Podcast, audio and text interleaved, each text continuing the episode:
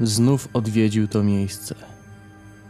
Stare, opękane skały Gjarnborgu. Znów poczuł to uczucie. Okropne uczucie. Siedział, wtulając głowę w kolana. Wpatrywał się w zorze. Psychoza wróciła. Tym razem była już tak silna, że nie mógł nad nią zapanować. Krzyczał w niebogłosy, lecz nikt go nie słyszał. Czuł, że nikogo to nie obchodzi. Czuł, że wszystko, co go otacza, obciąża go, wcale mu nie pomagając. Jego ojciec zmarł, dziewczyna odeszła do najlepszego niegdyś przyjaciela przed ich ślubem. Matka nie jest przy nim. Na starym dębie wisiał kawałek sznura.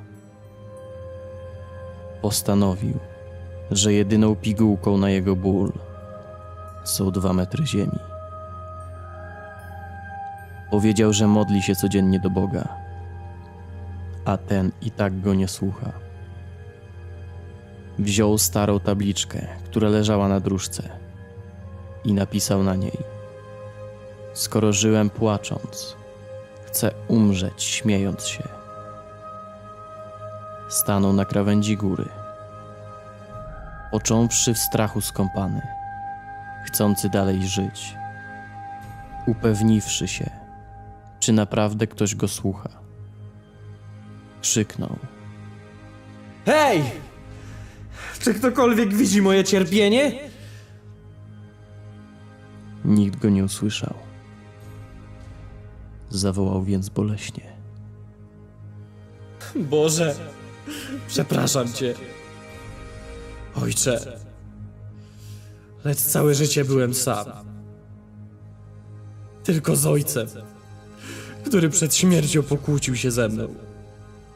I kobietą, która zadała mi cios i którą kochałem. Przepraszam za to, że cię uraziłem. Ale ileż cierpieć można. Niech to się już skończy.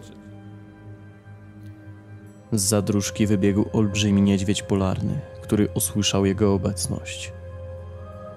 Przerażony osunął się lekko w przód. Poczuł okropny ścisk, a następnie ulgę. Zawisł.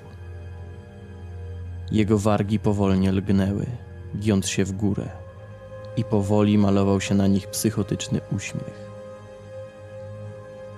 To naprawdę wszystko, czego tylko chciał. Po prostu odpłynąć. Ludzie chcą żyć, walczą z chorobami.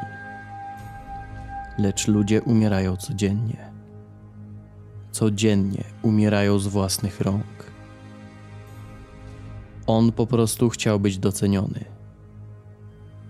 Nie poległ od siebie. Poległ od szyderstw.